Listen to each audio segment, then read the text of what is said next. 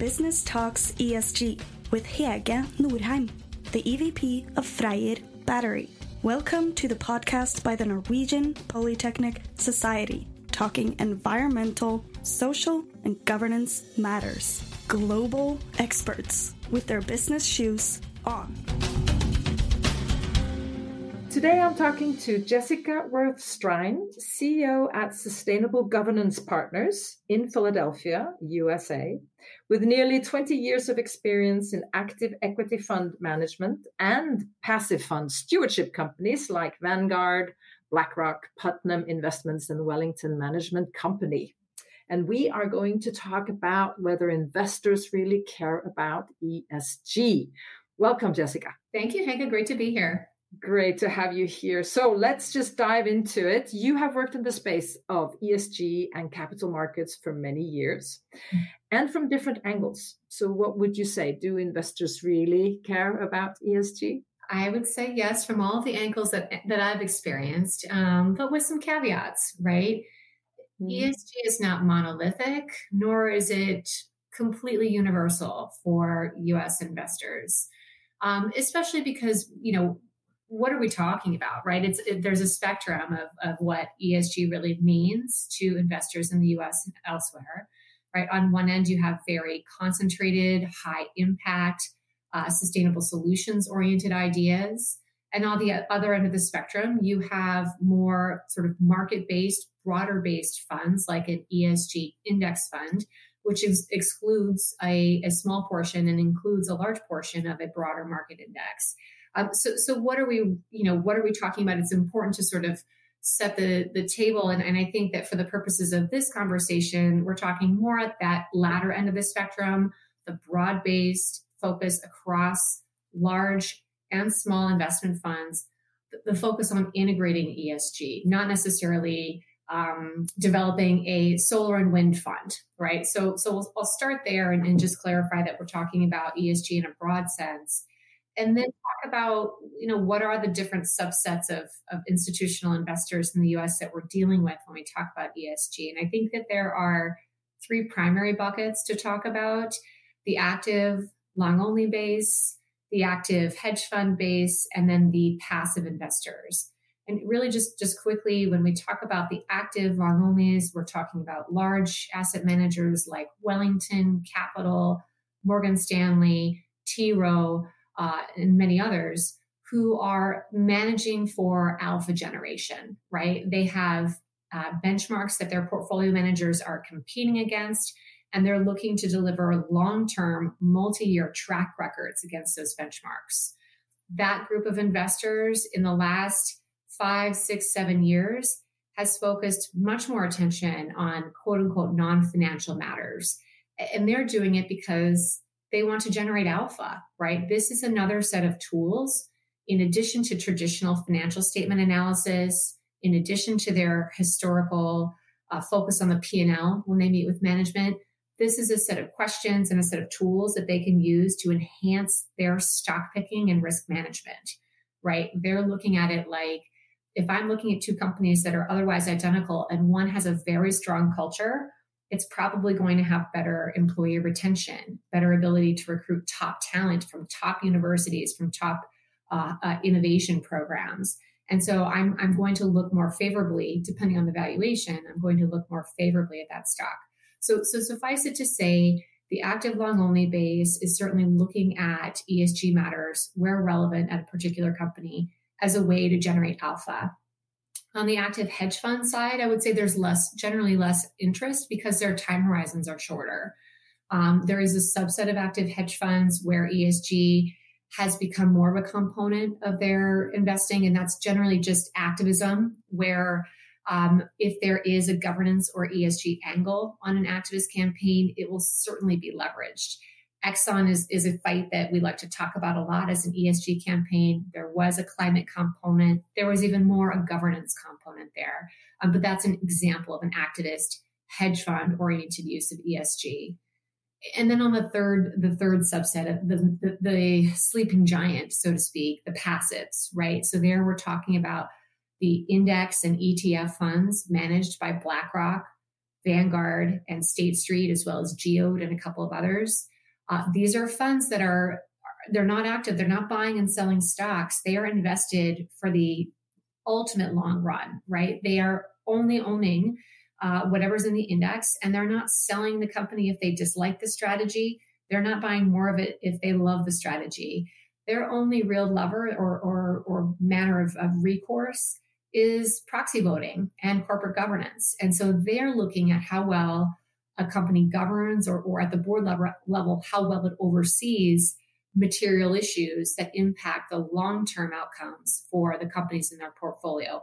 They're also looking at systemic issues, right? So, topics like climate change, which impact the entirety of their portfolio, become a concern for them and become an area where they're looking for more disclosure because they impact the market more broadly and their index or ETF funds in aggregate. So, so that's where we see these different investors focusing each of them taking sort of a different lens and having different levers, right? That the active long onlys are really focusing on stock picking. Some activists are focused on um, campaigns.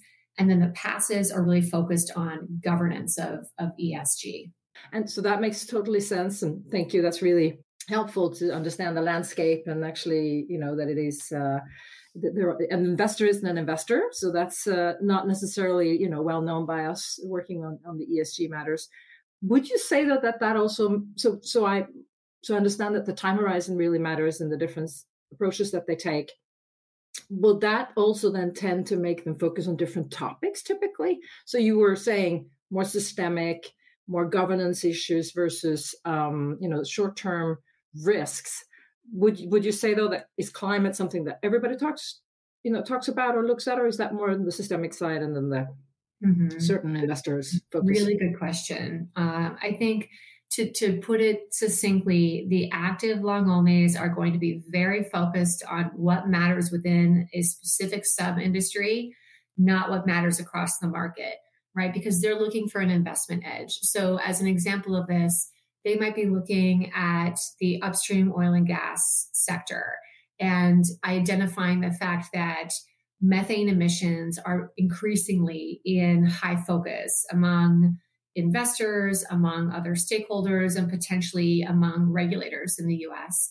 And so they would be um, likely would be looking at how well a company is measuring and managing their methane emissions across the E&P sector and where they see different technologies applied. Are they might be looking at whether those drone, satellite, or other monitoring technologies are more efficient and, and transparent. Um, and then they might also be looking at what companies have set targets for methane um, intensity reduction over, over what time frames, et cetera. So, and, and that would be something that they're not looking at uh, in the communication space at all, right? Where GHGs are maybe not as as significant, but where human capital issues like DEI um, are uh, tend to be um, quite significant. So, so having been in 20 years in, in, in the capital markets, um, Jessica, do you see? I guess you would say that the focus on ESG has increased over those 20 years. Um, I'm curious whether you feel that it's sort of coming and going like waves, or if it's uh, you know is there any or is it linear you know steadily increasing? And what is driving what would what would typically impact the interest on certain topics or in general to the risk and opportunities from the non-financial issues if you like from the capital market? Great questions. And um, you know a couple of observations on this. I mean for for starters i would say most companies and investors would not say that esg is literally brand new uh, in effect, right? except that it obviously it became a kind of consolidated set of topics over recent years, and so in that way, it's definitely accelerated. Um, but maybe as an example of this, in 2010, nearly 13 years ago, BP was one of my biggest holdings in one of my portfolios, and um, the if you remember what happened in April of 2010, biggest, arguably the biggest environmental disaster ever in oil and gas happened in April of 2010. Um, had we been analyzing ESG topics or board oversight or, or governance of such risks, might we have anticipated such an event?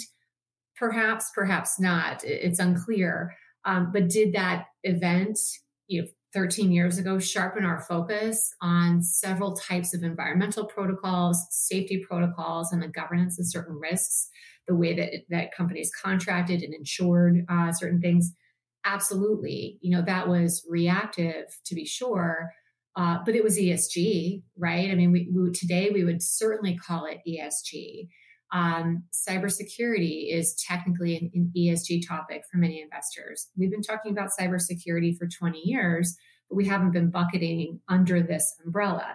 Now, hmm. what has changed, of course, is that there's a lot more product with a dedicated ESG element, screening in certain companies and screening out certain companies. Um, and what has also changed, of course, is that the disclosure around ESG topics has exploded, right? Due to the investor demand to interrogate these issues, to understand how they're overseen, to identify leaders versus laggards. You know, the the the practice of reporting on ESG matters has really grown. It's still growing. The data is still far from perfect. Um, but that I would argue is like the highest growth story here is really ESG disclosure. Um, and, and then second to that, engagement, right? So investors and companies have been talking in conversation about quarters, about the P&L, about you know, the strategy of the company for years and years and years. And I sat across that table and peppered countless CEOs and CFOs with questions about their performance, expectations, the you know the strategy, the geopolitics, the economy, over and over again. What's changed about that conversation relatively recently is the breadth, right? It's moved beyond mm those those topics that I just mentioned, and it encompasses now um, much more. I would say much more focus on safety, culture, DEI, governance, the role of the board, engagement with the board, um, climate risk, uh, biodiversity, natural capital, water. You know, depending on what's relevant to a particular company, those topics are making it into the conversation with much greater frequency than they had in the, I'd say, the first two decades of my investing career. Yeah. And following up on that, then, how would you advise, and that's, I guess, what you do all day long, how do you advise companies to relate to that interest from the capital market? How do you prepare and how do you um, have that have those conversations in a good way? So I think there are, you know, there are a lot of ways to take this, but probably three priorities to focus on uh, for public companies. One, uh, educating the board, because increasingly, and, and from a broader swath of investors, material ESG issues are board governance matters. They are expecting that the board is overseeing the management of, of ESG risks. So, really educating the board on investor expectations, um, on the disclosure protocols and the material issues of the company is, very important. Um, integrating ESG into corporate strategy would be the second, right? So ESG is not over here in a different office in New Hampshire in a silo. It is right here in the C suite, in the corporate strategy, because it's covering relevant or material issues, not box checking and not, not just philanthropy, but material and relevant issues. Uh, so integrating it into corporate strategy.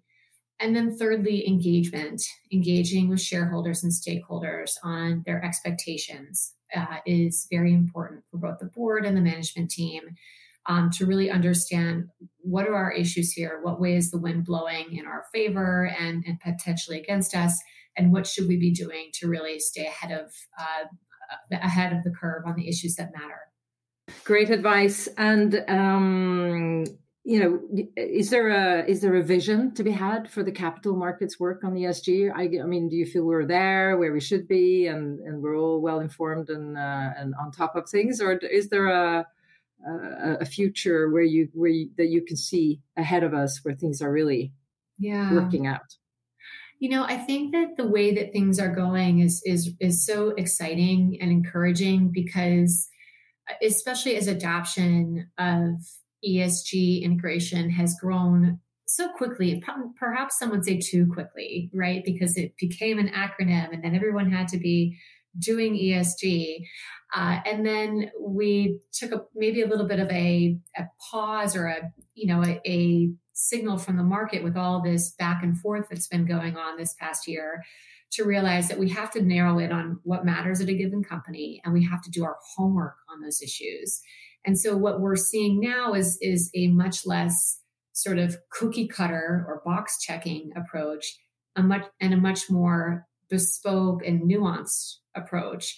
And, and what I mean by that is that you have companies who aren't just saying our E is the environment, our S is social, and our G is mm-hmm. governance, but, but rather saying the environmental topics that are relevant to our company are water and biodiversity and here is here are the things that we are doing about those mm. things right the mm. social topics that are relevant to our strategy are diversity and inclusion or uh, recruitment and talent retention and training, right? Depending on the company. So going deeper, getting more specific, and then of course investors doing, uh, I think, better homework or, or just more incisive inquiry into what's really going on at a company. And I think that's just good for everyone because it drives more um, legitimate integration, right, of, of these issues and quality. Exactly. I do think for many of us working in the ESG space in companies, Jessica, we see what has been going on uh, in the financial markets as a huge driver for much more focus on this in the companies as well and through the board uh, and the and top management. So it's been a, a, a, a, big driver for change in the companies that the capital market is actually asking the questions. So thank you for the work you're doing and thank you for spending time with us talking about this today. Um, this is Hege Norheim, who just spoke to Jessica Worth Strine, CEO of Sustainable Governance Partners in Philadelphia USA. Have a continuously great day, all of you out there listening to us. Thank you for listening to Business Talks ESG from the Norwegian Polytechnic Society. Business talks, and so do your actions. Make sure to subscribe to the podcast and follow us at Polyteknisk on all our platforms.